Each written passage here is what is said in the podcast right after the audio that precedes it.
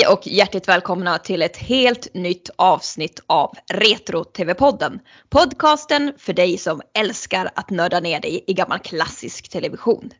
Jag heter Erika och idag så har jag inte Linnea med mig utan jag har en gäst. Hjärtligt välkommen till podden Johannes Eklund. Tackar, tackar. Väldigt Vem... trevligt. Ja, absolut. Vi är jätteglada att ha dig med här. Vem är du kanske våra lyssnare funderar på? Ja, ja ingen är gladare än jag kan jag väl säga. Men eh, i, i poddsammanhang så är jag väl eh, ingen eh, direkt, utan eh, men när det gäller film och tv så är jag väl lite av en auktoritet får man väl säga.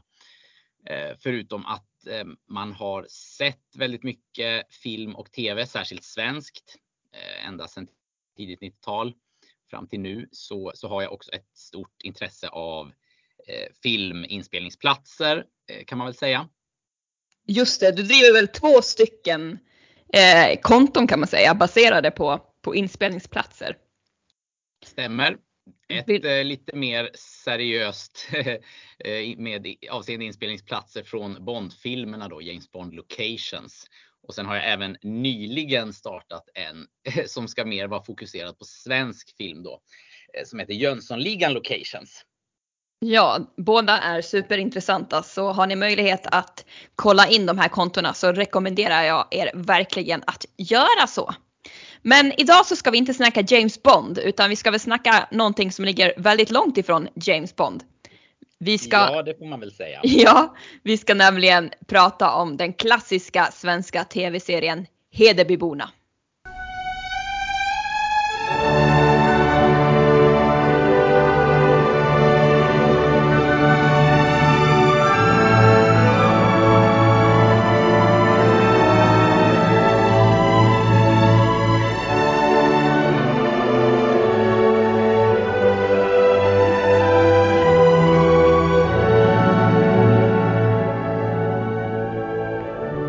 När blev du först bekant med den här tv-serien? Jag tänker den är ju producerad ganska långt före vår levnad. Vi är ju båda födda på 80-talet och den här hade ju premiär i slutet av 70-talet. Ja, det var faktiskt ganska nyligen. Det är inte mer än ett par år sedan. Jag hade en mycket god vän som flyttade till Trosa och eh, började jobba på Scaniaverken eh, och i samband med det så, så blev han bekant med den här serien och eh, var helt lyrisk och hörde av sig till mig och sa att den här måste jag se. Eh, och jag insåg ju ganska snabbt när jag började titta att det är ju kvalitet rakt igenom. Dels med den skådespelaruppsättning som finns och, och även historien som, som de här, den här serien bygger på. Men det är inte mer än ett par års, år sedan. Okej, så det är en ganska sen bekantskap med andra ord. Ja, men jag förstår att du har känt till den här betydligt längre än jag. Ja, jag blev ju bekant med den här tv-serien när den gavs ut på DVD. Eh, det måste ha varit 2005, 2006, 2007 någonting. Och eh, då så köpte jag alla tre säsongerna och såg dem i ett svep. Och jag skulle säga att jag först och främst har sett den första säsongen som också är den säsongen som vi kommer att diskutera idag. Ja, just det. Det får man väl förtydliga. Ja. Det finns ju så mycket att säga, men eh, vi, man får dela upp eh, gottebitarna tänker jag. Och sen är det väl ändå så att den första också är den bästa. Ja, men det tycker jag helt klart att det är. Och ska vi, ska vi försöka etablera var någonstans i Sverige befinner vi oss och när? Ja, vi befinner oss i den fiktiva orten Hedeby som då eh, väldigt tydligt är modellerad efter Vagnhärad och, och eller Trosa i Sörmland i nådens år 1937. Just det, i nådens år 1937. Det här är ju en tid eh, med stora samhällsförändringar. Sverige lämnar på något vis det gamla traditionella bonde och ståndssamhället som det i många hundra år har varit och eh, går mot, mot nya tider. Verkligen. Det är ju ett Sverige eh, i förändring som du säger där folkhemmet börjar, man märker att folkhemmet börjar byggas och de gamla rollerna som historiskt har tillhört överklassen och de med pengar och mark börjar bytas ut mot mer engagerade medborgare får man väl säga. Exakt och här i Hedeby så hittar vi ju hela samhällsskalan på något vis. Vi har de adliga och vi har Eh, de här, eh, vad ska man säga, socialdemokraterna, de här arbetarna som börjar engagera sig politiskt och vi har också de mer traditionella bönderna. Man skulle egentligen kunna säga att Hedeby på något vis eh, är en symbol eller inrymmer ett, ett, det är ju ett Sverige i miniatyr egentligen. Verkligen, verkligen. Alla finns representerade som du säger och det är ju också en historia som på många sätt har stora likheter med Downton Abbey som kanske är mer bekant för den här publiken. Om än i betydligt mindre skala och med, färre avsnitt. Men det är en tydlig övergång från traditionellt jordbruk till det Sverige eh, som, som industrination som gjorde oss rika på 30, 40 och sen framförallt 50 och 60-talet då. Som la grunden för, för välfärden där. Ja men precis. Och de här, eh, vi har ju den här adelssläkten, släkten Usche. Och det är väl också de som i mångt och mycket, ska man säga, inleder den här tv-seriesviten och som också är huvudpersonerna i, i den första säsongen. Exakt, det får man väl säga. I, i huvudrollen eh, är ju inte den nådige baronen Urse utan hans kusin som då eh, är krediterad som Mon Cousin. Men eh, i huvudrollen absolut så är det ju baronen Urse på godset Valla och hans fru grevinnan eller baronessan Louise Urse född grevinnan Kyle.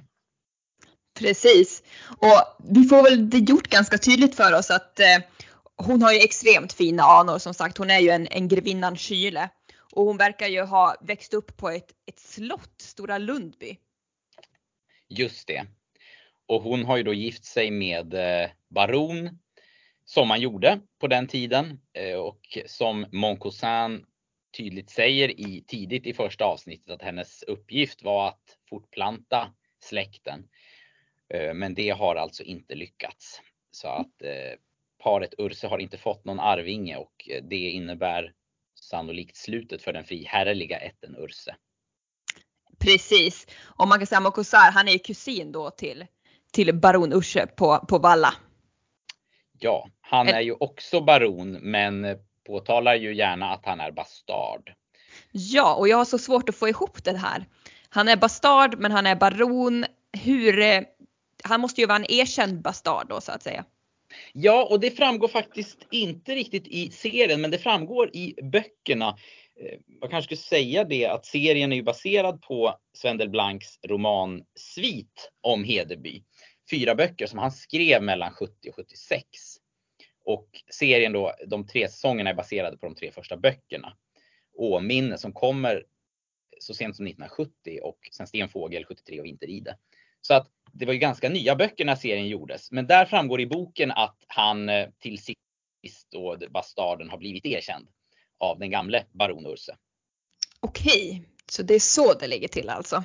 Mm. Det där blir man ju inte riktigt klok på i serien hur varken släktbanden egentligen eller hur det här har gått till. Exakt. Han spekulerar i boken också om det är någon eh, piga som, som den gamle baron har eh, förgripit sig på helt enkelt och eh, fått den här oäktingen då. Eh, men, men eh, ja, det framgår inte riktigt. Okej. Okay.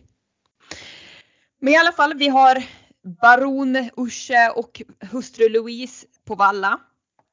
Familjen Urse på Valla eh, och sen har vi den, den absoluta motsatsen, bondfamiljen, familjen Svensson med som till skillnad från makarna Urse har väldigt många barn och som de egentligen inte har, har råd att ens eh, föda. Nej, de, får, de äter ju rutten potatis och, och dricker sur mjölk. Så att eh, här, hit har folkhemmet ännu inte kommit.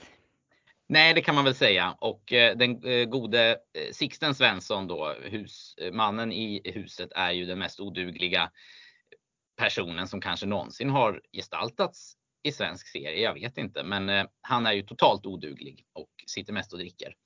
Och eh, fru Svensson, spelad av Helena Brodin, gör ju allt för att liksom hålla ihop familjen då och sätta mat på bordet.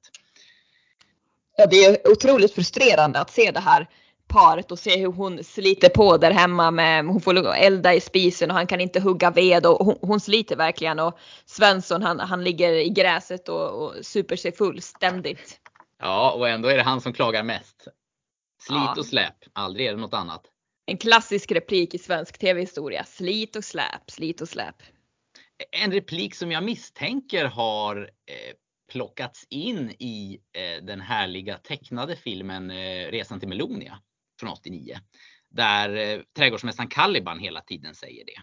Ja, så skulle det kunna vara. Det, det borde, ju, borde ju vara så.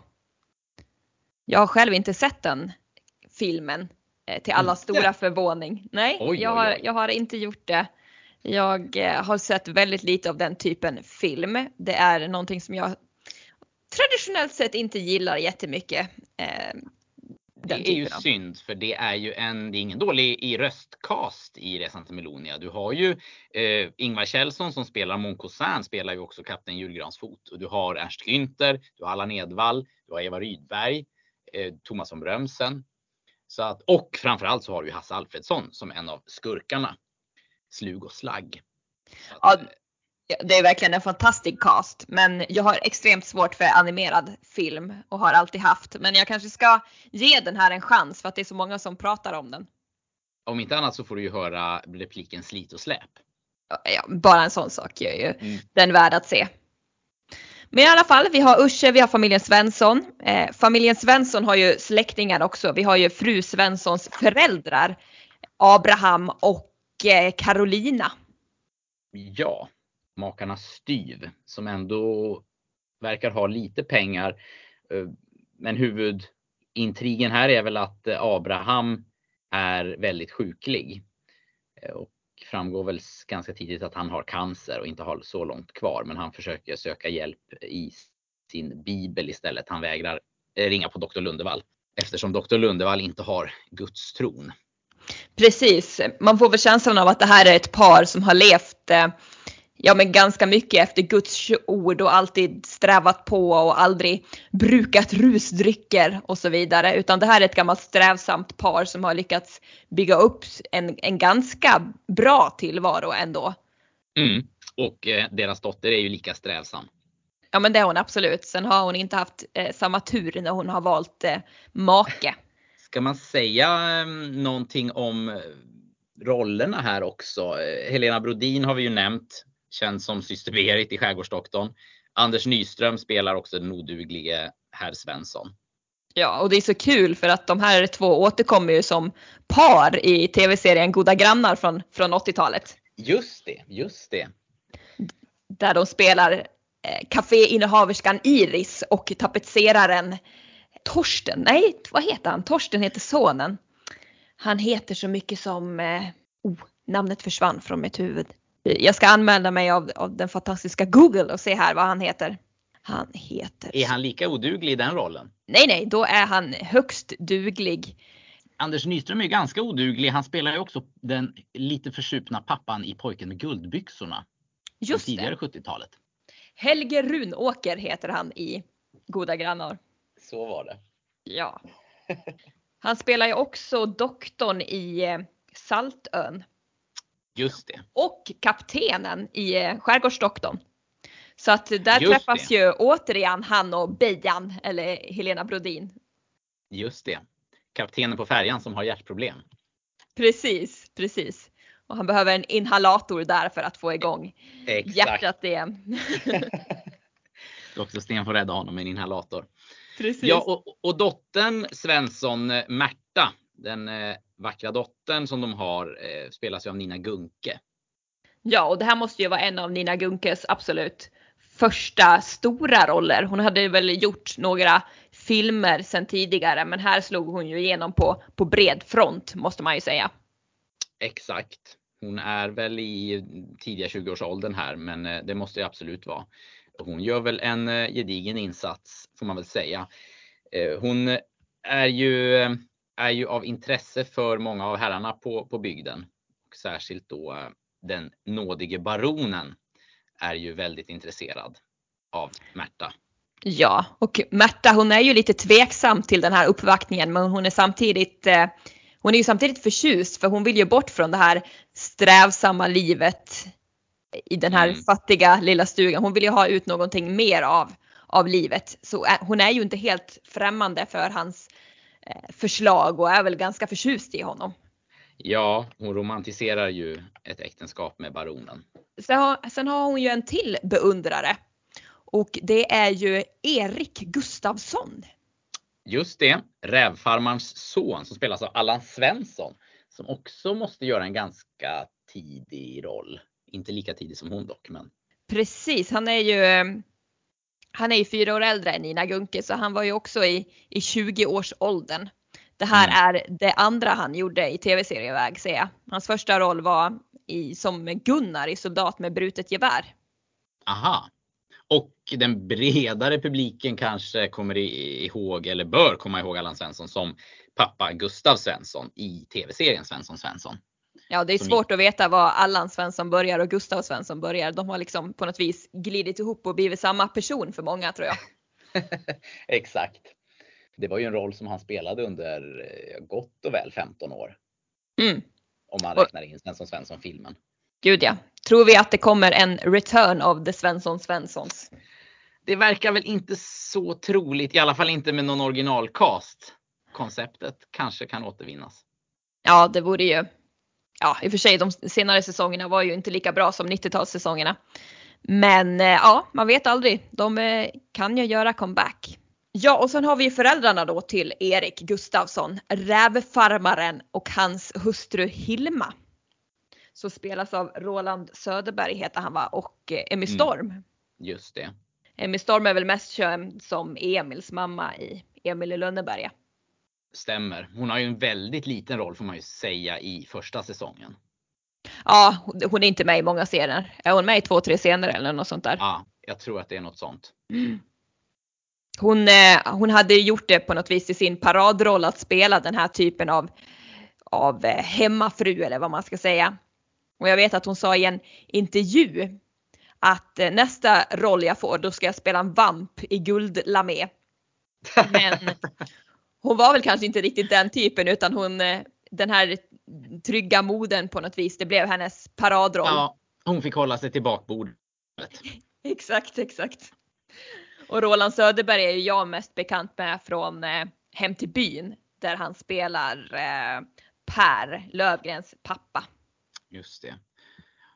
Ja, jag har inte så bra koll på honom i övrigt heller, var han har eh, varit med på senare tid inget minne av honom från 90-talet.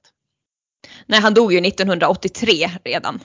Så det har ja. sin naturliga förklaring. Men ja. eh, rävfarmaren och Hilma, de verkar i alla fall vara ganska stora ändå, etablerade rävfarmare och bönder. Hur man nu ska uttrycka det.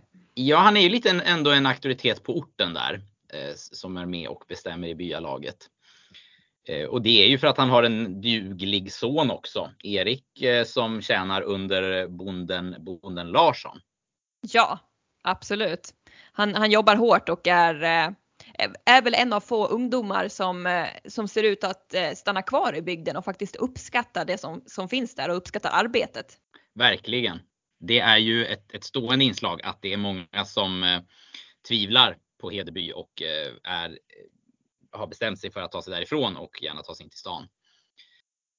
Nej, och det är någonting som Märta ofta säger att man kan inte vara kvar i Hedeby utan hon vill ju inte stan och skaffa sig ett nytt liv och stå i fabrikerna om hon då inte får gifta sig med baronen på Valla och bli den nya baronessan. Vi har ju en annan auktoritet i byn och det är ju skomakaren Ludde. Just det, skomakar-Ludde spelas av Ingvar Hidvall som den bredare publiken kanske kommer ihåg på, från senare roller som grannen i Beck. Men han har ju oerhört mycket annat naturligtvis.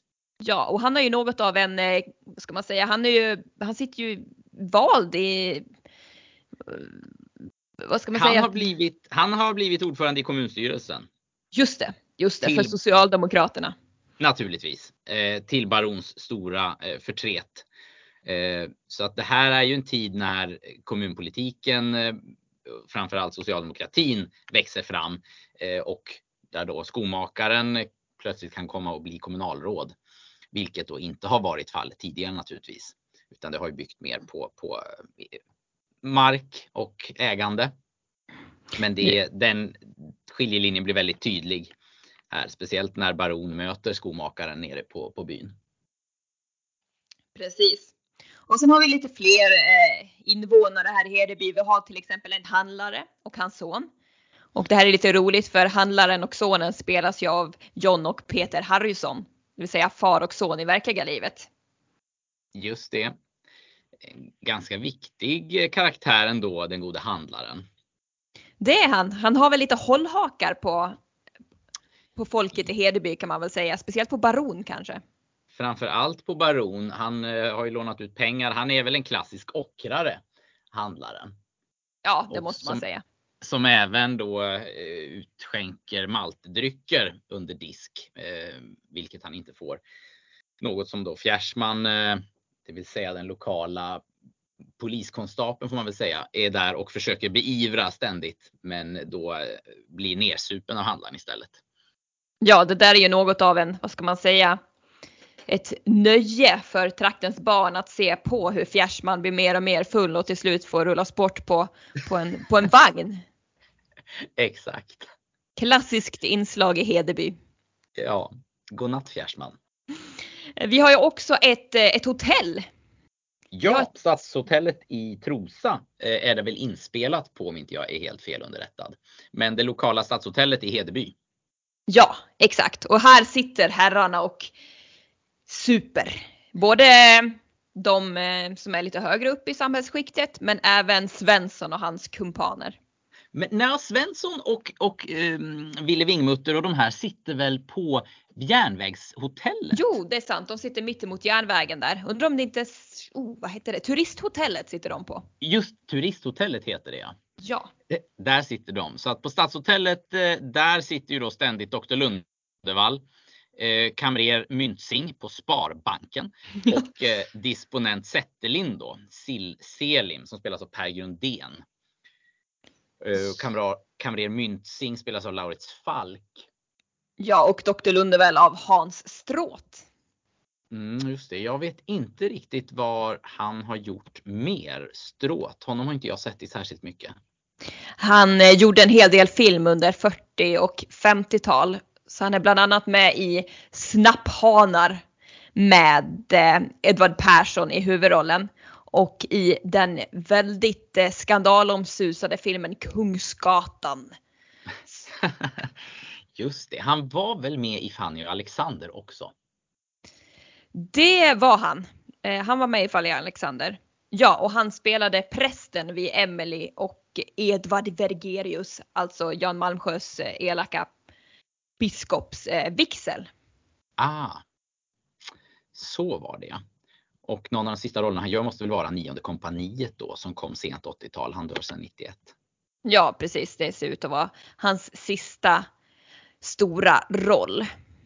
Och de här tre karaktärerna, Dr. Lundevall, Cabrén Myntzing och disponent Zetterlind möter man ju ganska tidigt i första avsnittet. När Moncosan då anländer till Stadshotellet för att supa lite extra innan han ska hälsa på sin kusin. Där får man ju reda på eh, ganska tidigt att Dr. Lundevall sympatiserar ju med Hitler. Han står och lyssnar på ett tal som Hitler håller från Tyskland och det här är ju 1937 så det var väl inte eh, helt ovanligt att en, en läkare hade de sympatierna. Och disponenten konstaterar ju också att de säljer mycket på Tyskland. Så han är också mycket nöjd ja, Sverige var väl eh, generellt ganska tyskvänligt fram till att krigslyckan vände där 41-42. Ja, och 1937 var det väl heller ingen direkt krigsfara. Jag tror inte att det verkar väldigt lugnt i Hedeby på den här tiden. Det är väl först eh, när de tar sig österut och annekterar Sudetlandet liknande, 38 kanske, som det börjar bli lite, lite mer skakigt. Så att eh, 1937 är det frid och fröjd i Hedeby. Oh ja, oh ja. Men här får vi också reda på att eh, det inte står helt rätt till på, på Valla. Nej, Moncosan får ju reda på från kamrer Myntzing att eh, baronen har tagit lån i Sparbanken. Vilket det... Moncosan tycker är mycket märkligt. Ja, det är han ju väldigt förskräckt över att det är just i Sparbanken som, som baronen har gått.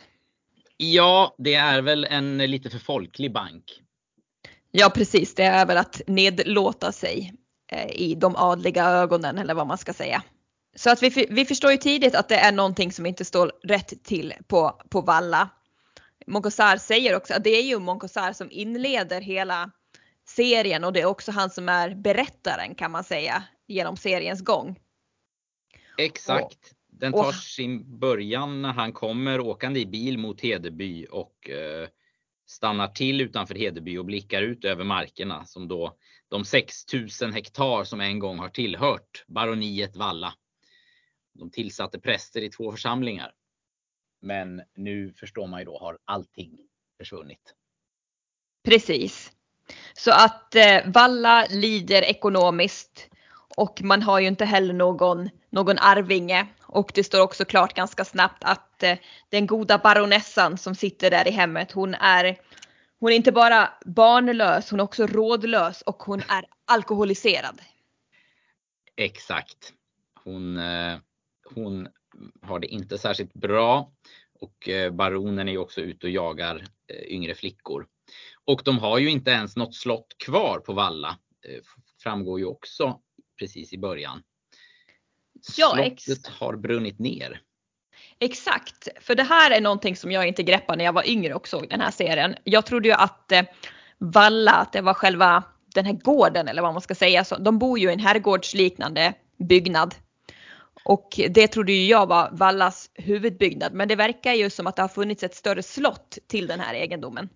Och, och när han, baron Urse, anländer till Valla, till herrgården. Den är ju bara med exteriört vid, precis i första avsnittet ganska tidigt. Så ser man en nedbrunnen eh, gavel av det gamla slottet som då står snett framför den här sidobyggnaden. Det här har ju alltså varit en någon herrgårdsbyggnad som har legat snett bakom slottet. Det har inte jag sett tidigare. Oj, det har inte jag heller sett. Det måste jag titta närmare på. Ja, det är en halv sekund som man när bilen parkerar framför Valla där, då ser man en utbränd gavel. Antagligen Oj. som de har rest där. Så att där har ju då gamla slottet stått. Och det ska ha brunnit fyra år då före serien utspelar sig, det vill säga 1933. Just det. Och det framgår bland när Moncousin sitter och skvallrar med kamrer Myntzing och doktor Lundevall att det är ju baronen som har tänt på för att få ut försäkringspengarna. Precis.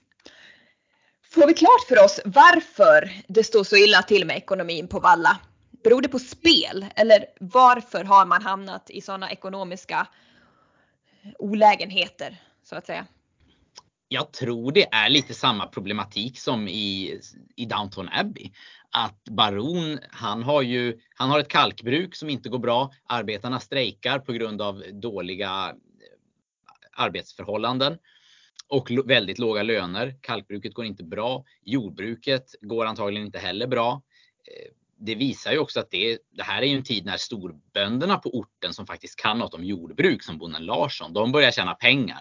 Bonden Larsson lånar till och med ut pengar till Baron medan Baron då har väl inte gjort särskilt mycket och inte försökt eh, rädda baroniet. Utan han, eh, han har nog misslyckats med det mesta och även slösat mycket pengar. Precis, de har levt lite i en annan, i en annan tid och försökt hålla kvar vid, vid det gamla sättet och det gamla systemet kan jag tänka mig. De har säkert använt sig mycket av statare eh, tidigare och det var inte lika gångbart på 1930-talet även om statarsystemet fortfarande fanns kvar. Så jag tänker att det måste ha inneburit stora ökade kostnader eh, generellt för dem.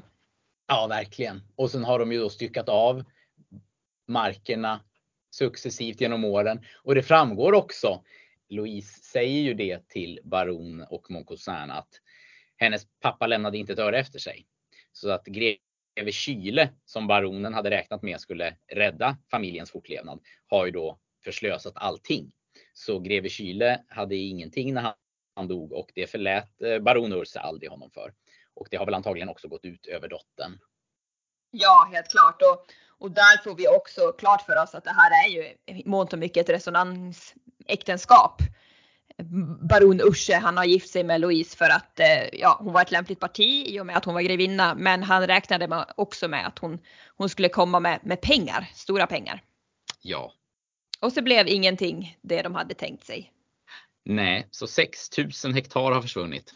Och jag vet inte vad det motsvarar. Jag tror att ungefär 1000 hektar skulle kunna vara värt någonstans 40-50 miljoner idag. I alla fall om man tänker skog. Ja, det, det tror jag absolut. Absolut. Så då skulle det här baroniet ha varit värt med dagens penningvärde runt 300 miljoner. Och allting har då förslösats. Ja, det är en, en otrolig tragedi.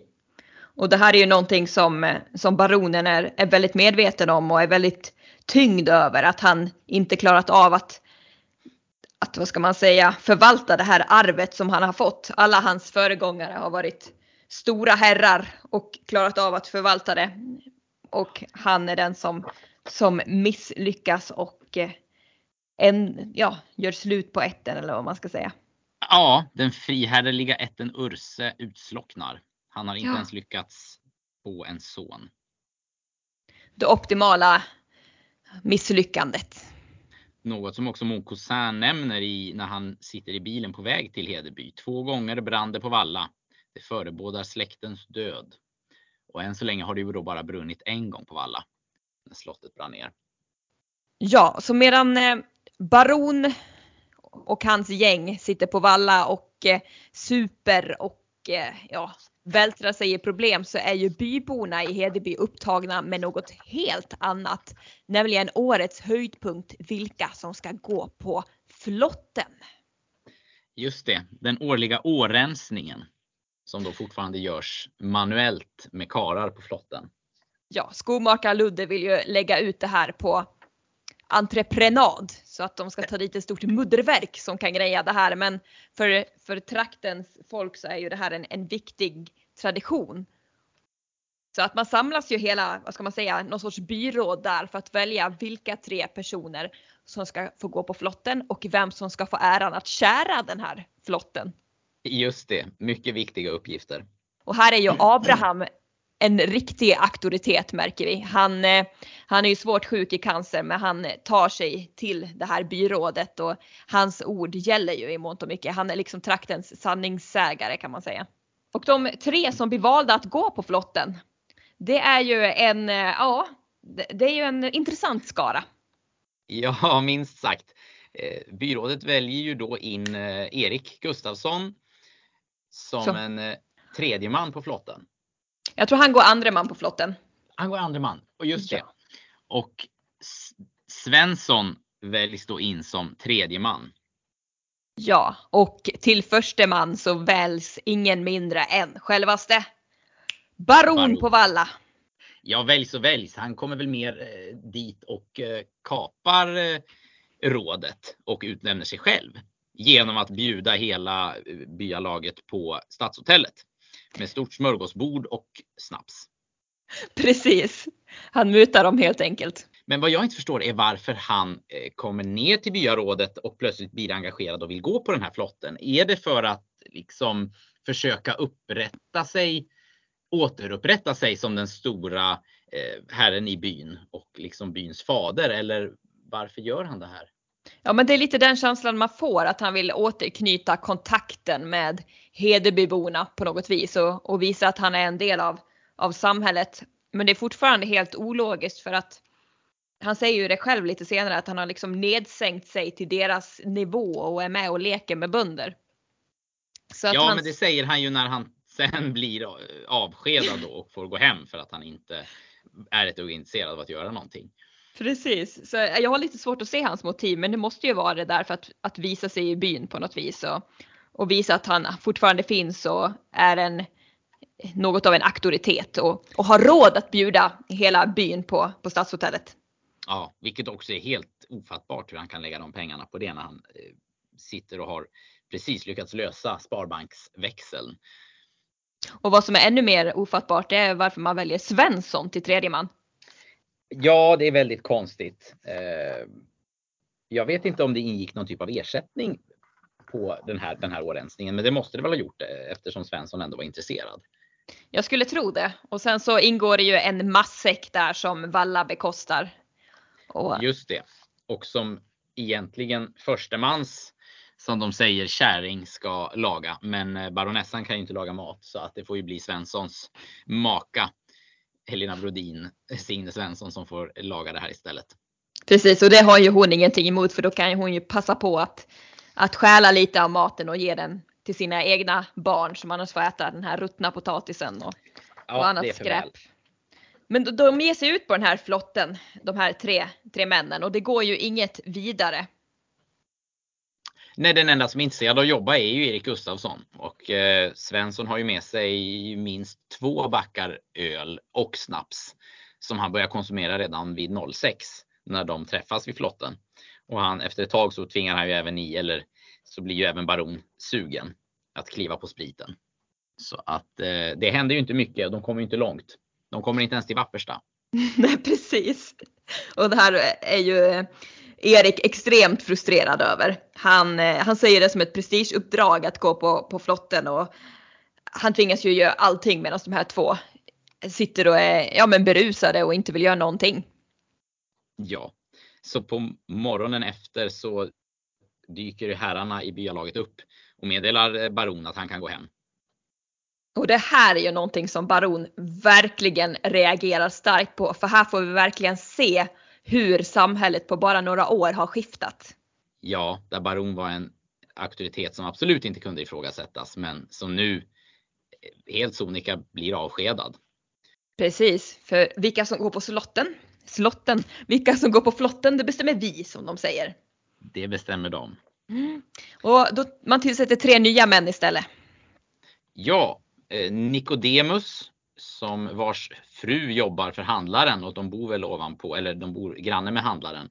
Nikodemus som anses vara lite av en, en idiot eller eh, ja, eh, räddhågsen eh, och misshandlas väl mentalt av handlaren. Han blir då plötsligt eh, betrodd att gå på flotten och växer med uppgiften.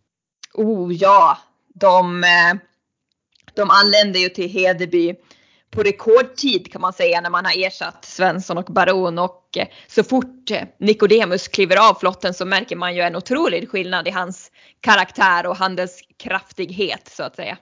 Ja, då går han in och dikterar villkor hos handlaren och spikar igen dörren som hans fru har tvingats använda för att smyga in till handlaren.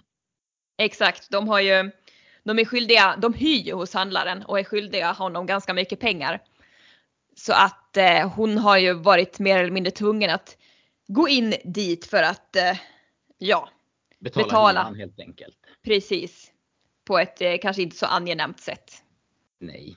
Och Nicodemus spelas av Tor Isedal eh, som också har med sin son i eh, ett, något av avsnitten här. Han spelas ju, han spelar ju en av de äldre unga pojkarna. Tor Isedal för mig, han är ju mycket Larsson i Söderkåkar. Ja, för mig är han ju eh, Anna, Anna Veras pappa i SOS Sällskapsresan. Just det, han som säljer både vad är det, mjukglass och eh, bensin och allting. Det.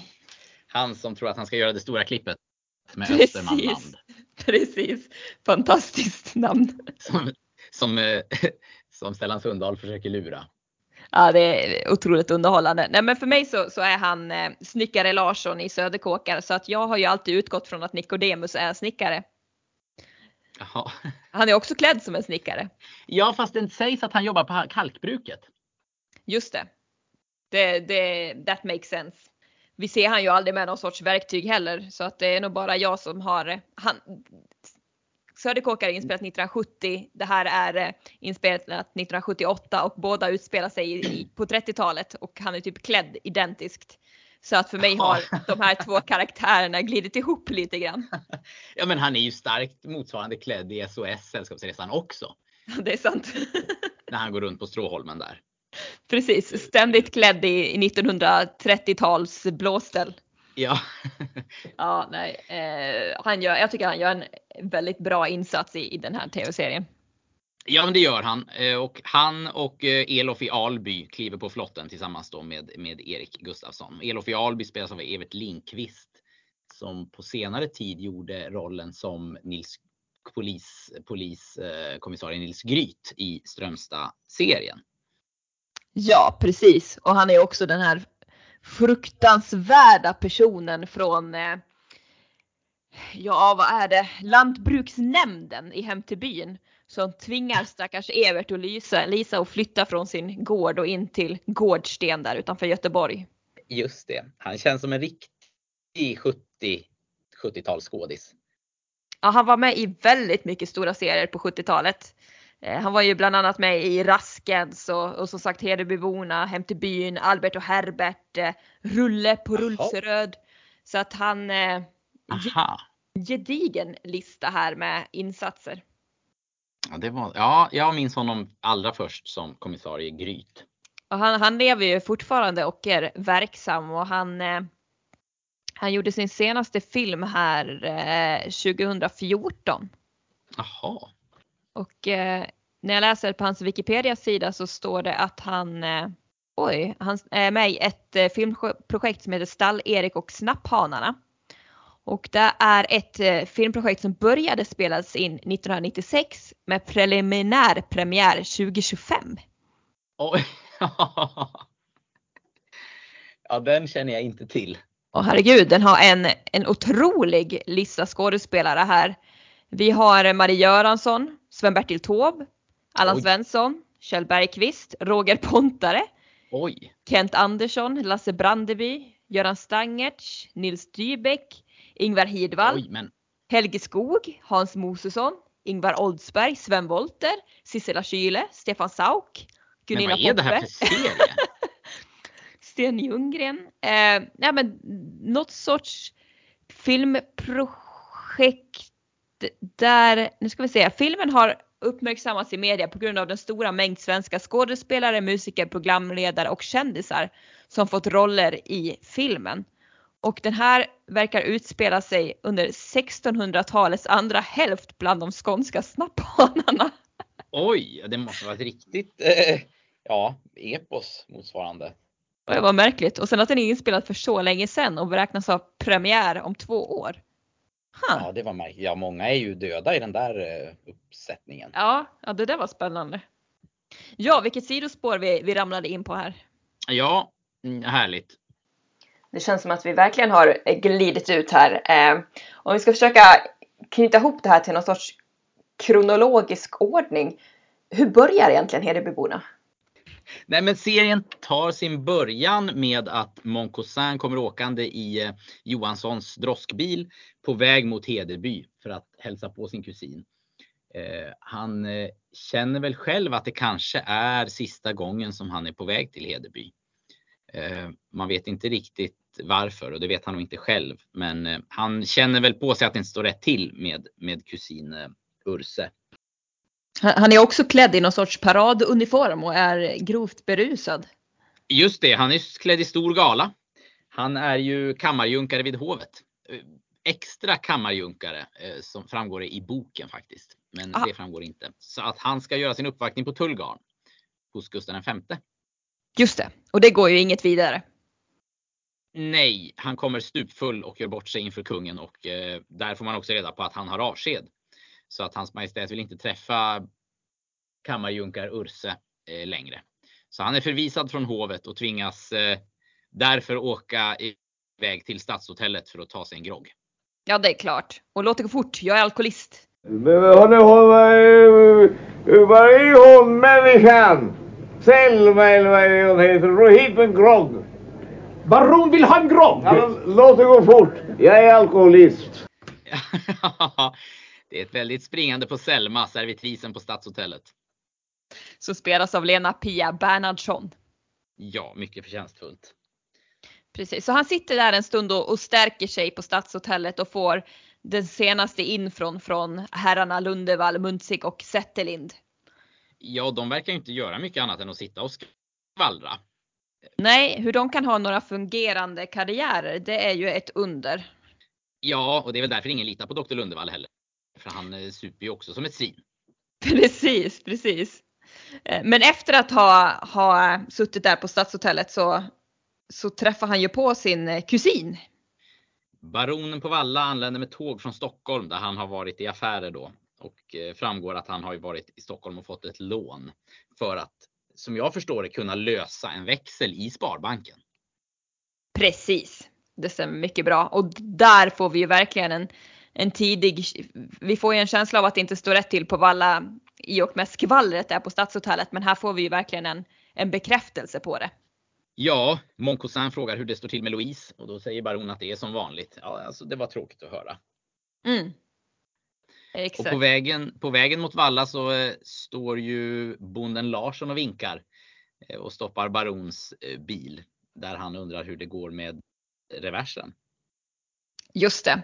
Så han har ju växlar och eh, lån och eh, alla möjliga tekniker som han har använt baron för att, för att klara ekonomin så att säga. Ja, lån i Sparbanken och reverser på Larsson. Ja herregud, man kan inte sjunka lägre som en baron Urse.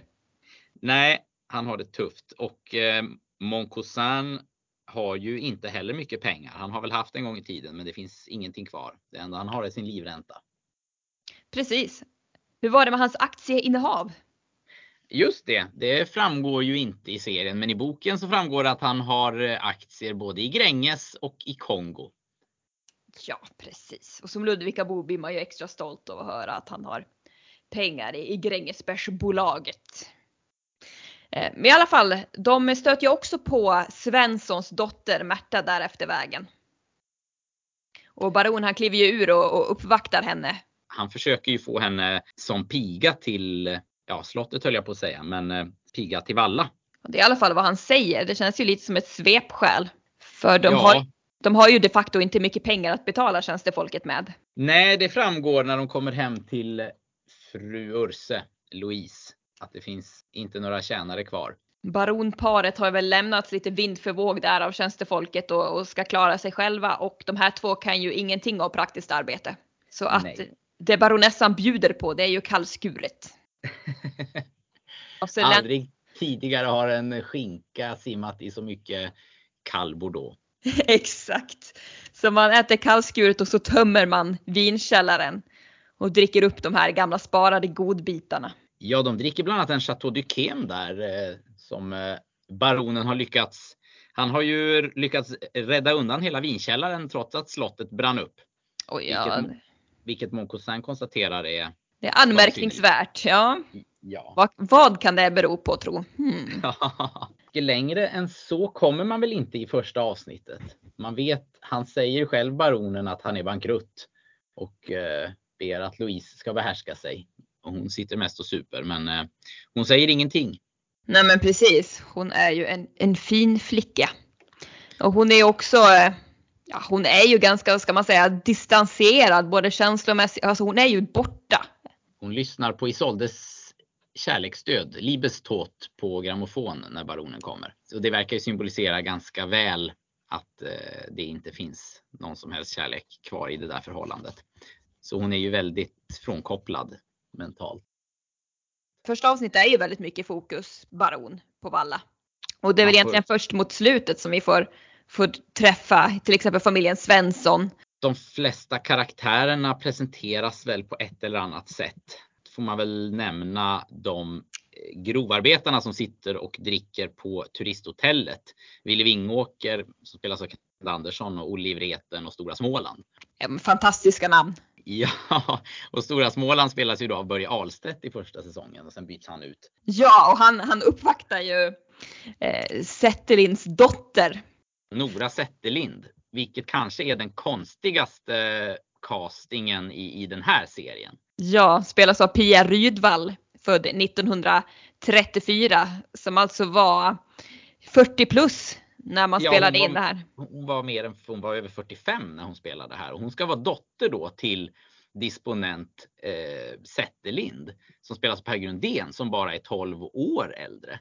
Och, och, att Nora skulle ha ett eh, någon slags romans då med Börje Ahlstedt. Det, det, den, den romansen känns inte särskilt trovärdig.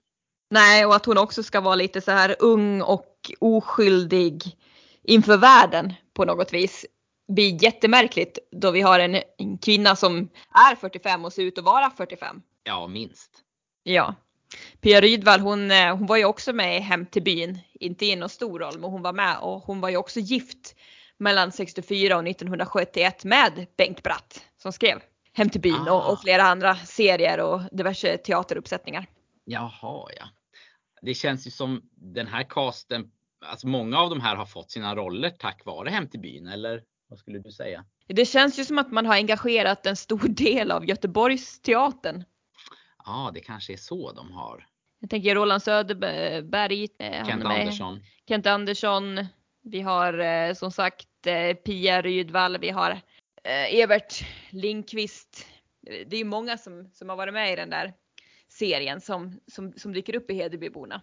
Men man har ju också plockat från många andra ställen. Man har ju många Stockholmsbaserade skådespelare och man har Malmöbaserade skådespelare. Emmy Storm till exempel. Hon var ju vid, vid Malmö stadsteater om jag inte minns fel under många, många, många år. En sån där institution på, på Malmö stadsteater. Hon och maken Göte Fyring. Jaha, ja det var mer än jag visste. Så att ja, men man har ju också en stor del av Sveriges skådespelarelit med här. Det är ju en väldigt stor och omfångsrik cast. Absolut. Och Mm. värre ska det ju bli också i de kommande säsongerna. Eh, där kommer det ju ytterligare kändisar som valsar in, men det kan vi ju återkomma till. Och då har vi inte ens nämnt Gösta Bruzelius som spelar prästen Alenius Mer känd som då Reidar Dahlén. i Rederiet. Ja. Ja, precis. Min första, jag tänkte säga att min första bekantskap med honom var i filmen Åsa Hanna från 1946. Men det ljög jag för det var inte min första bekantskap med honom utan det var ju givetvis som Reidar. Men jag såg Åsa Hanna här för något år sedan och då spelade han Marianne Lövgrens make. Jaha. Vilket är väldigt underligt för att Lövgren är ju på något vis en del av den gamla världen och Pruselius en, en del av den moderna världen. Så att se de två som gift par blev ju väldigt konstigt för mig. Jaha, ja det var intressant. Sen är det ju inte någon superstor åldersskillnad utan Marianne Lövgren dog ju väldigt ung och kan därför inte bli en del av den här världen som Gösta Pruselius blev en del av. Nej, han är ju aktiv ända in i, i Rederiet ända fram tills han dör. Och det gör han väl 99.00 någon gång. Ja precis, 2000. Och man minns ju än idag löpsedlarna. Just det, Reidar är död. just det. Det är ju inte bara familjen Usche i trakten som har anor och pengar kan man säga. Vi har ju även andra karaktärer, karaktärer som bjuder på garden party. Absolut. På godset Lida bjuds på Garden Party i avsnitt 3. Där ställer ju både herr och fru Urse upp tillsammans med Mon Cousin.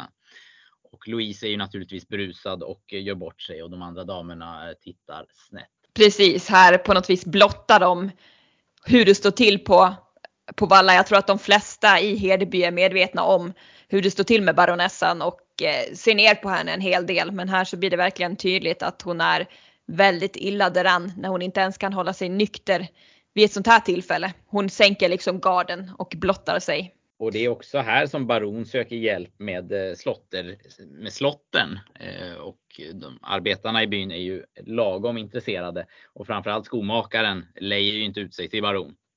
Oh nej, oh nej, det där hör till förgångna tider. Däremot så lejer ju familjen Svensson ut sig. Både Signe och eh, dottern Märta hjälper ju till i slotten. Svensson är ju med men han ligger ju mest och sover. Det är så De- varmt. Det är för jobbigt att, att hugga i och hjälpa till. Det är bara slät och slip och vad heter det? Slät? Slät? Slit och Slit släp. och släp! det är bara Och värmen slit söker honom. Så Ja, det är inte exakt. lätt. Det är inte lätt för Svensson. Just det här uttrycket. Jag tror att det söker dig eller det söker mig är ju någonting Ja. som används kontinuerligt. Det Och- gör det. Det används ju inte idag.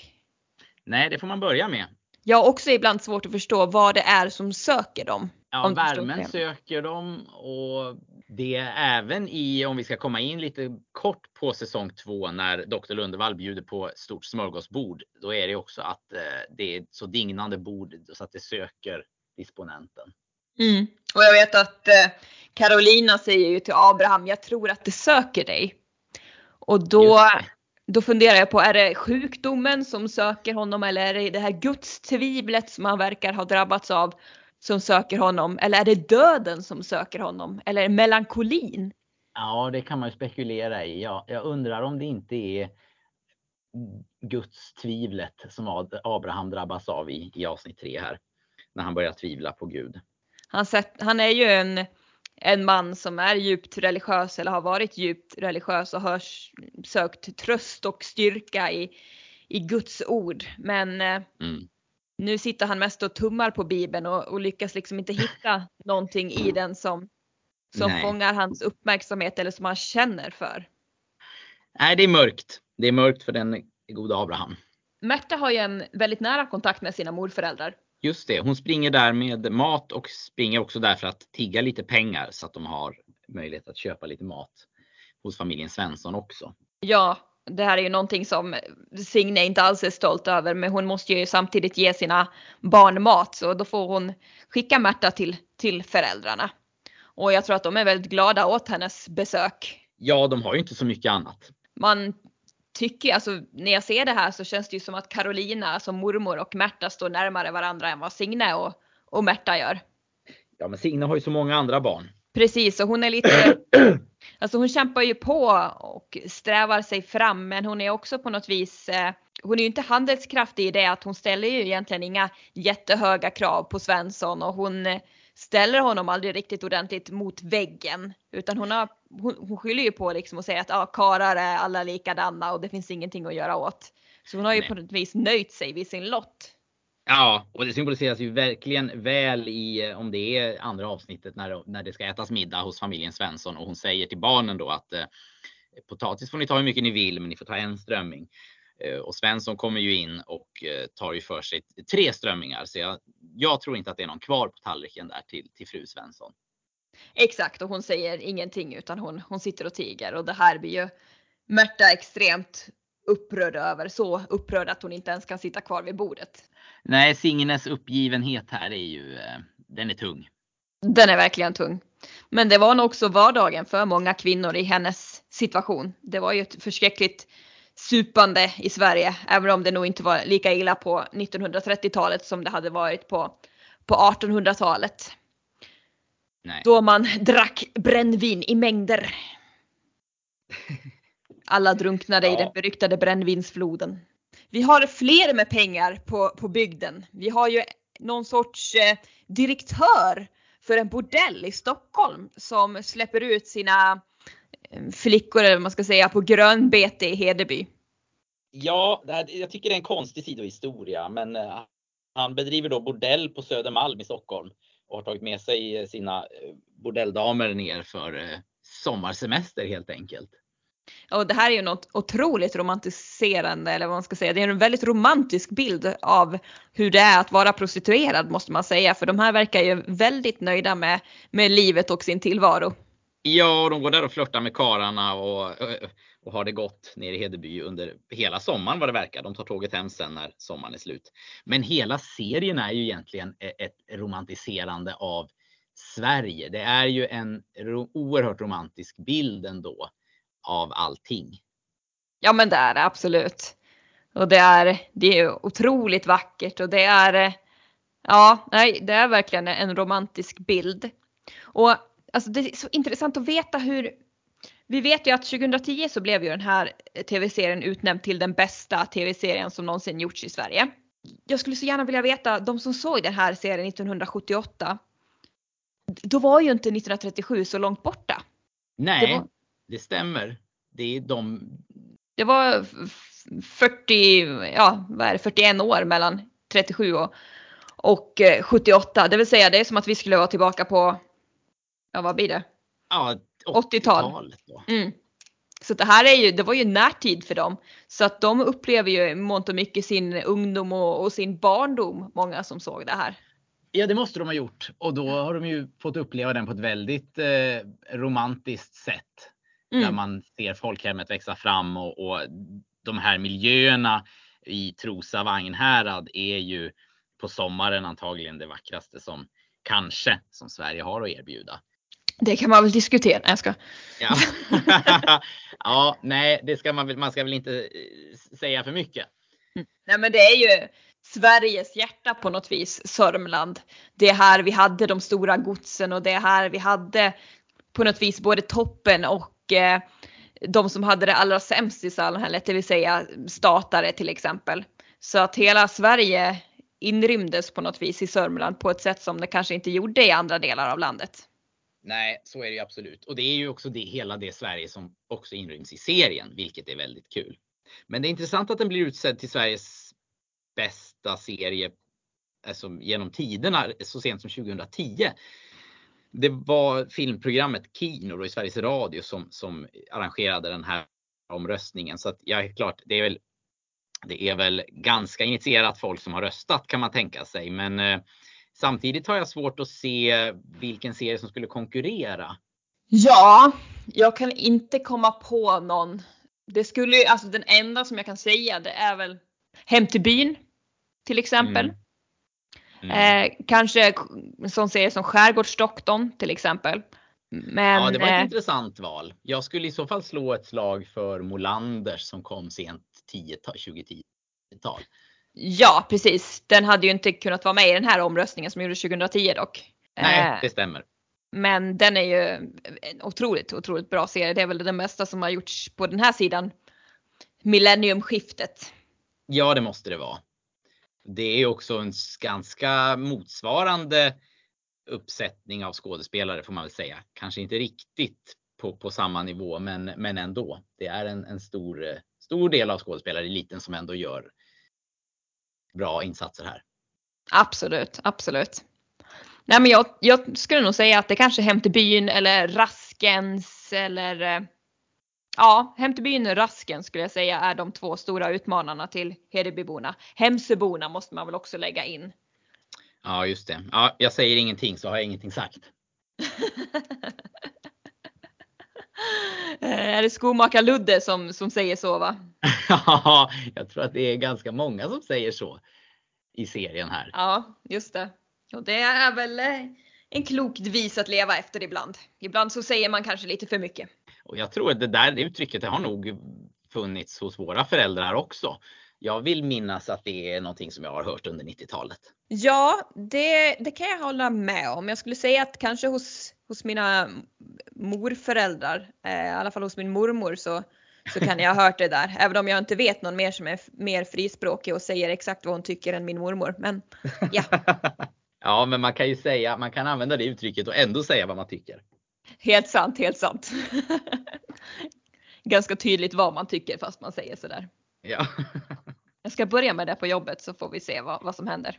Ja, det tycker jag definitivt. Ska vi se här. Vi har tagit flott-äventyret. Ja, och när Baron är iväg på flotten så sitter ju Moncousin och Louise på valla och eh, super och försöker glömma eländet. Precis. Moncosar han drömmer väl sig i, i mångt och mycket tillbaka till en försvunnen tid och börjar tala som om, som om de levde för 20 år sedan eller 20 år tidigare. Och pratar om personer som inte längre finns och så vidare. Nej, och det är också här han planerar den fantastiska banketten på slottet där han eh, då låtsas prata med tjänstefolket på Valla när han blir förskräckt över att de föreslår eh, smörgåsar i köket och stekt ägg och pyttipanna.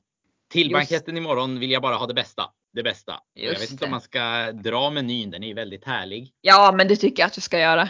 Ja, vi börjar med soppa. Eh, potage julienne med en droppe amontillado. Torr som en ökenvind. Amontillado är ju då en, en sherry och potage julienne är en någon potatissoppa vill jag mena. Eh, sen blir det fisk. Eh, och där undrar han ju om man kan få tag på laxöring så här års. Och det kan man. Så laxöring får det bli. Med eh, Johannisberg. Eh, Inte den vanliga varan. Fattas bara. Nej, Schloss Johannisberg Auslese. Och det är ju ett tyskt vitt då. Auslese är ju den bästa, bästa skörden som jag förstår det. Uppfunnet också av eh, Johannesberg. Johannisberg. Sen eh, blir det stekt anka med gåslever. Caneton du Puy, rôti de canapé och foie gras. Med vår äkta Chateau Latour. Och eh, gäster under generalmajors rang dricker sexårig Chateau Lafite och märker ingen skillnad. Ja, båda vinerna är ju, eh, de är inte tråkiga. Så att jag tror att den som hade fått en Chateau Lafite hade nog inte klagat. Även om man hade varit under generalmajors rang. Men och sen med hänsyn till årstiden så ersättes kötträtten av säsongens sparris. Och till efterrätt så vill han ha smultronparfait med portvin, gammalt och grumligt som historiens brunn. Om man då inte eh, som en eftergift för damerna skulle välja en halvtorr champagne istället. För det fall de har lite kvar av onkels Röderer. Och det är ju Louis Röderer han menar där då. Vars prestige, prestige champagne är eh, Kristallen. En av världens bästa champagner. Eh, och portvinet vill han ju ha för, eh, förslagsvis 1897 års vintage. Det är ingen eh, dålig meny han målar upp här. Nej, och själv ska han då ta grevinnan Bäckfris till bordet. Noblesse oblige. Oh, ja, det var inte dåligt. Jag gick i samma klass som en Bäckfris. Oj, noblesse oblige. Mm. Friherrinna god för en miljard. Oj, Det visste jag inte då, det märkte jag efteråt. Jag hade en grupp som jag läste konstvetenskap med, som jag själv inte umgicks med, men alla hade namn som väckte uppseende. Och jag förstod att här är det, här finns det goda anor när de sa att ja, det är intressant att läsa konstvetenskap för då vet man ju vad man har på väggarna hemma. Det är ingenting som jag liksom, det var inte anledningen till varför jag läste konstvetenskap för jag har väl inga, inga sådana dyrgripar riktigt hemma på väggarna. men det har inte gått samma väg för eh, friherrinnan Bäckfris som på Valla, hoppas jag. Inte än i alla fall, men man vet ju aldrig i dessa tider. Nej, dyrtider är det. Det är det sannerligen. Det är 30-talets depressionsvindar som eh, borstar in över det polerade 2020-talet. ja, verkligen. Dyrtider. Mm. Men vi kan ju också säga att medan de här sitter där hemma och drömmer sig tillbaka till andra tider och planerar den här fantasimenyn som de inte har råd med så är ju som sagt baron på flotten och han sitter ju och snackar ganska mycket med Svensson. De, har ju, de delar ju på något vis något mer än bara spriten. Det känns ju som att de håller på att ge upp någon slags affär eller liknande. Ja, Baron inser väl att han ändå kan ha nytta av Svensson. Mm, precis. Baron har ju ett kalkbruk som går dåligt. På Och, grund av strejker. ja, precis. Och eh, stor konkurrens och sådana saker. Så att det, det är ingen lätt verksamhet att driva. Så eh, han har ju gjort någonting tidigare som eh, ändå verkar ha fallit ganska bra ut och då tänker han att det ska jag göra igen. Nämligen. Ja, exakt. Han har ju bränt ner slottet. Brott lönar sig alltid. Exakt, så han tänker att mm, det kan nog vara en god idé att bränna ner kalkbruket. Och till det behöver han ju hjälp av den försupne Svensson. Exakt, han betalar Svensson en liten slant och Svensson gör som baron säger. Han går och bränner ner kalkbruket. Och den här betalningen observeras ju av Mon Cousin genom fönstret från salongen då. Exakt, och först inser han väl inte riktigt vad det är som eh, baron betalar Svensson för. Han tror att eh, Svensson har agerat eh, hallick åt sin egen dotter då, Märta, som har träffat baron i skogen en natt. Just det, under natten på flotten så har ju Baron då pratat med Märta och förmått henne att stämma möte på vid midnatt. Där de sen spenderar några timmar. Han lurar ju henne då och säger att han ska lämna Louise och eh, rymma med, med Märta. Eh, men det, det löftet håller han ju inte såklart. Men i alla fall när Mokosar ser honom ge Svensson de här pengarna så tror han ju att det är anledningen. Men sen så går det upp för honom att nej, han ska, han ska bränna upp kalkbruket. Och det Ja, inser han Baron ser ingen annan utväg. och det här inser väl Monkosar när eh, baronen kommer in iklädd eh, eh, sin uniform. Parad. Ja. Och det här är väl kanske just den här scenen där eh, det han förstår på något vis att, eh, alltså man konstaterar ju att okej det brinner för andra gången på Valla, det här kan inte försäkringsbolaget gå på igen. Man inser ju att det här är ju en iscensatt brand. Och då Ja. inser väl han att slaget är förlorat. Jag, jag Nu. måste ge upp.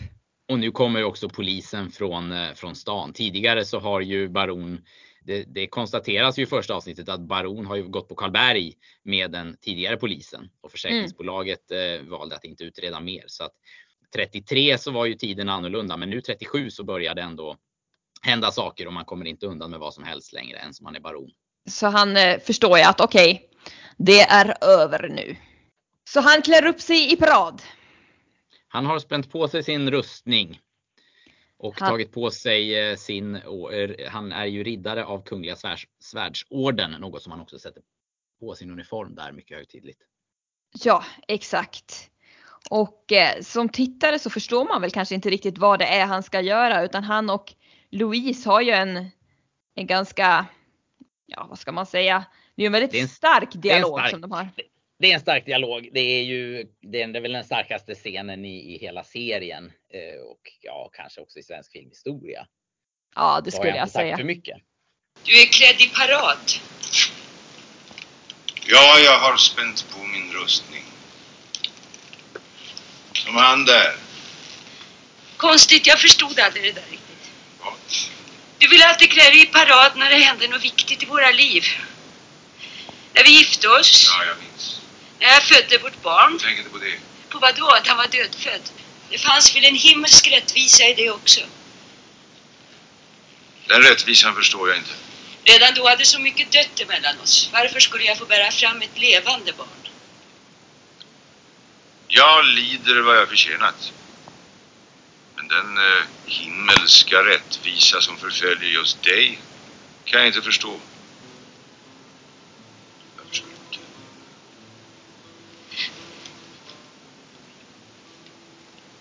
Jag följer dig gärna på väg. Det har jag inte rätt att begära. Nej.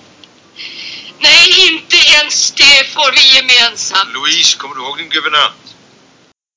Och sen han tar ju av sig då sin, sin uniform, sin rustning innan han, han går i vattnet och Mokosar kommer ju över den här.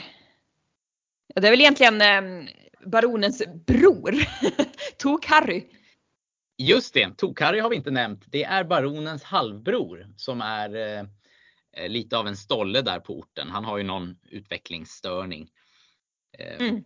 Att han kallas för Tok-Harry. Men det är ju baronens oäkta bror då. Ja, och han ser då när eh, baron går i ån och eh, tar hans eh, rustning helt enkelt och Mokosar hittar ju Tok-Harry med den här uniformen tryckt mot bröstet. Just det. Och då förstår han vad som, vad som har hänt och sen återvänder han till, till Valla och lägger den här uniformen i Louise famn och hon påpekar ju då att ditt, stom, eller ja, ditt tomma skal är det allt du lämnar efter dig. Just det. Och Svensson blir också hämtad av, han blir ju hämtad av polisen och eh, Ja, de kommer fram väldigt snabbt till att det är Svensson som är skyldig här. Det är lite konstigt. ja, vi får inte riktigt reda på hur, hur det går till men eh, men snabbt så hämtar de ju Svensson och Signe hon gör ju inget motstånd alls utan hon tycker, verkar ju mest tycka att det är skönt. Ja, och det är väl skönt för familjen att Svensson åker in på Långholmen. Ja, så då har vi alltså Baron är död, Svensson är i fängelse och Abraham han, han dör ju samtidigt nästan som kalkbruket brinner va? Just det, han hinner precis se att kalkbruket brinner. Han har ju också haft en föraning om det. Han har väl drömt om det natten innan att eh, kalkbruket brinner. Ja, precis. Och, Eller han har drömt om, om brand. ja, och det verkar ju som att han i, i sin sista levnadsstund också på något vis får tillbaka sin gudstro. Och jag vet inte om man tror att det är kalkbruket som brinner på något vis som är något tecken från Gud eller, eller liknande. Men han, han verkar i alla fall dö med gudstron i behåll. Och Ja, det är väl inte så mycket att skratta åt. Men, Nej. Det, är ju, det är ju tragiskt. Det avslutas ju också oerhört vackert med hans begravning när alla eh, sitter i kyrkan och sjunger Härliga är jorden. Också Ja. en, sta- en stark scen och eh, klassisk eh, svensk romantik får man väl säga. Och längst bak i kyrkan så, så sitter ju baronessan. Ja, Louise har också hittat dit. Och hon sörjer väl egentligen inte Abraham utan hon, hon sörjer väl sitt förlorade liv kan man säga. Ja, hon, eh, jag vet inte riktigt varför hon kommer dit. Eh, Om det Nej. är ändå för att på något sätt försöka upprätthålla någon slags fasad av att eh, baron eller baroniet måste representeras i kyrkan. Ja, så skulle det kunna vara. Men Och Reidar Dahlén, Västern Alenius håller begravningsgudstjänst. ja, det är väldigt starkt. Och sen så, det är ju en av de absolut sista scenerna för sen så får vi ju se Louise då sorgklädd med den här klassiska florslöjan framför ans- framför ansiktet. Hon, hon vandrar längs ån med uniformsjackan tryckt mot sig och ser ju helt borta ut. Ja, och Moncousin går bredvid henne. Mm. Och han förmanar ju henne väldigt mycket att hon, hon måste komma ihåg vem hon är. Hon är grevinnan Kyle, hon får inte gråta. Det här är ju någonting som hon fick itutat i sig i sin, i sin ungdom av sin guvernant. Så hon har ju Just det. alltid fått, fått lägga band på känslorna. Mm. Och eh, det ska hon, hon göra nu också. Hon måste ju komma ihåg att hon är en grevinnan Kyle. Ja, gud ja. Och Mokosar pratar ju också om att tiden på något vis har stannat så ingenting spelar någon roll längre. Nej, just det. Och Louise stannar ju själv klockan i salongen där innan när baronen lämnar. Mm, exakt.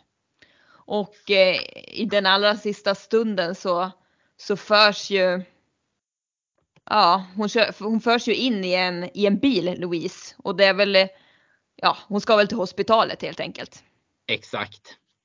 Hon förs in och eh, förs iväg till något sinnessjukhus där. Mm. Så det är inte muntert.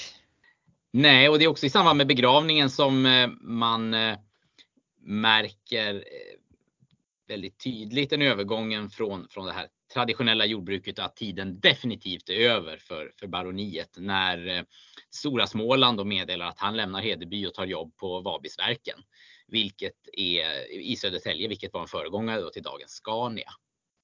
Ja, det är den nya tiden, nya folkhemmet. Och de svenska rekordåren är inte allt för långt borta.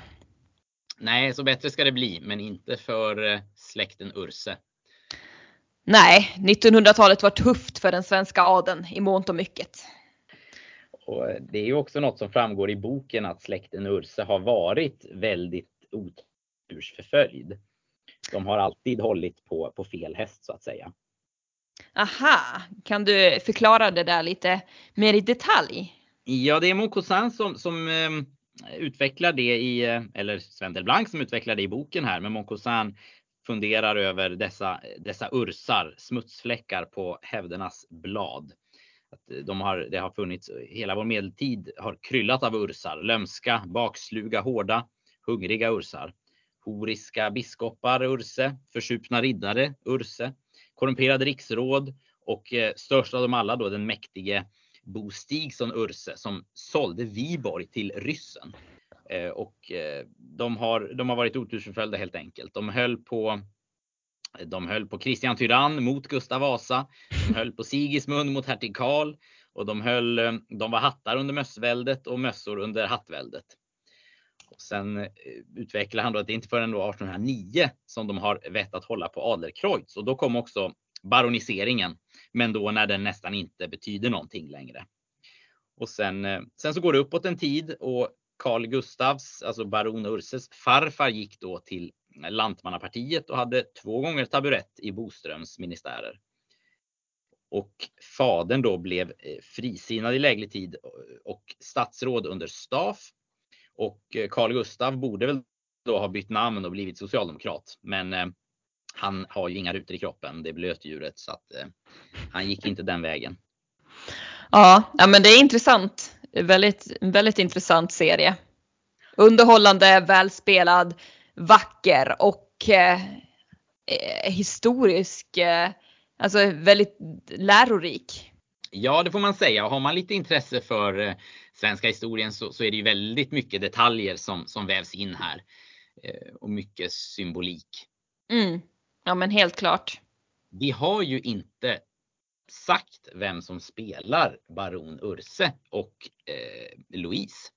Nej just det, det har vi inte berört. Det får du gärna berätta. Ja, vi har inte ens berört eh, att Mon Cousin spelas av Ingvar Kjellson. Som ja, herregud.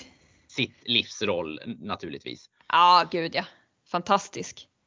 Och Ingvar Kjellson spelade ju mycket under den här tiden. Han spelar ju på, ja, om man ska säga i, i, senare tid så spelar han ju golfdomaren i Den ofrivillige golfaren.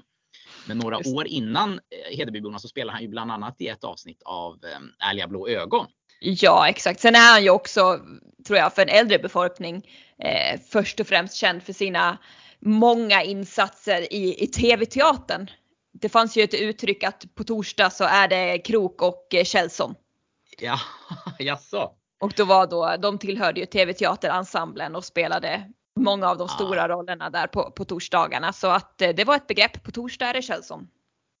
Oj, vilka tider det var. Ja, han är också, ja. eller han var ju också gift med Meta Velander då som, som fortfarande är vid liv, 98 år gammal. Just det, härliga Meta. Så eh, ja, Ingvar Kjellson gör sitt livs roll och Per Myrberg spelar då Carl Gustav Urse, baron på Valla. Och jag vet inte, är han mest skådis eller är han mest sångare? Mm. Ja du, det är väl eh, ja, svårt att säga. Han, eh, alltså han har ju, han har ju gjort väldigt många, många roller. Ja, Och, eh, alltså han, han, eh, han gick ju Dramatens elevskola och sådär. Så att det känns väl som att han först och främst kanske var skådespelare men hade en, en gedigen par, parallell karriär som, som sångare. Och sen Ja. vet jag inte mycket musik han är känd för förutom 34 och, och sin insats i, vad är det, Lilla Sjöjungfrun som han är, som han är med just det. Han spelar Sebastian. Ja, Hummer-Sebastian där ja. precis. Det. Men annars är det ju 34. Nej, vi får nog ge honom att han är skådespelare i, i första hand. Född Ja. 1933. Han, han drev ju teater tillsammans med eh, Helena Brodin och Björn Gustafsson på 60-talet. Ah, jaha ja. De drev eh, Lilla Teatern eh, på Norrmalm. Och han var skolkamrat med, med Björn Gustafsson ja. Ja, precis. Från Dramaten. Precis. Just det, de läste där samtidigt. Ja. Och eh, Louise Urse, född grevinna Kyle, spelas ju eh, av Lena Brogren. Ja, Som jag tror går bort 2003 va? 2005 tror jag hon gick bort va? Fem. Ja, jag tror det. Och hon gör ju också en fantastisk roll som den ständigt försupna grevinnan. Eller baronessan. Ja, hon är väldigt, väldigt, väldigt bra. Också gjort en hel del. Också med i ett avsnitt av Hem till byn. Sen för mig, jag förknippar väl henne först och främst, ja förutom då Hedebyborna så var hon ju även med i, i Saltön. Just det. Där hon då har en, ett förhållande med Anders Nyström som spelar, som spelar läkaren. Just det. Och hon går också bort i Saltön va? Ja, exakt. Eh, Undrar om inte de två tar livet av varandra. Eller livet av varandra. De tar livet eh, av sig tillsammans. Läkaren och, eh, och då den här karaktären som Lena Brogren spelade i Ah, de första, första säsongen. Sen så dog hon och han inte göra fler säsonger. ah ja, ja, okej. Så att hon spelar, den här karaktären som hon gjorde spelas ju av en, av en annan i säsong två. Och hon har ju också en liten roll som kassörska på banken i den första eh, Strömstad polisserien. Eh, polisen som vägrade svara från 82. Det är ändå lustigt att hon fyra år senare går in och gör en sån liten, liten roll. Men det är klart, eh, man kan Just. väl inte vara storbjuden. Och hon spelar ju också då Paradis Oscars eh, fru Martina i Rasmus på luffen. Ah, det är det hon gör också ja. Det Ja. hade jag inte tänkt på. Jo men det gör hon. Men hon är inte med mycket där. Hon är med i sista avsnittet. Men Ja, just det. eh, det är nog många som känner igen henne från, från det.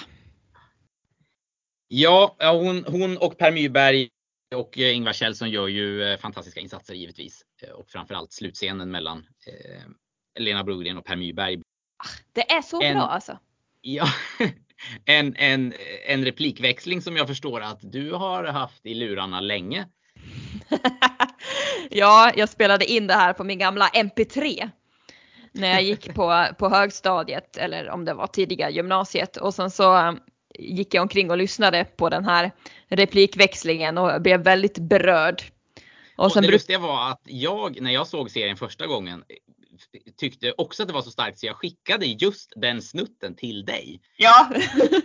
Och då, det var då du meddelade att eh, du har lyssnat på den där i många år. Nej men den är ju helt otrolig. Det är det absolut bästa som har gjort i svensk tv-seriehistoria skulle jag säga. Så det är inte konstigt att vi, vi båda blev berörda. Det är otroligt, otroligt bra. Mm. Och jag kommer ihåg att jag brukade citera det där för, för mina kompisar i skolan och de kollade ju på mig som om jag vore från Mars. Ja, ja, den var inte aktuell sent 90-tal och den är nog tyvärr ännu mindre aktuell idag. Precis. Sen måste jag ju dock tillägga att jag gick ju på gymnasiet på 2006-2007 där. Så riktigt så gammal är jag inte. Just det. Viktigt att poängtera. Ja, men vad bra. Då har vi eh, vänt ut och in på, på delar av den här serien av säsong 1 av, av Hedebyborna. Eh, jag ser ju fram emot att eh, få prata om säsong 2 och 3 lite längre fram. Verkligen, det hoppas jag också. Och härligt att du ville vara med och prata med mig om, om det här. Det har varit ett nöje. Ja, nöjet var helt på min sida. Tack för att jag fick en inbjudan. Absolut, du är varmt välkommen tillbaka. Så var det så att eh, ni gillade det här avsnittet så får ni gärna prenumerera. Ni kan också gilla oss på Facebook och följa oss på Instagram. Tack så mycket för den här gången.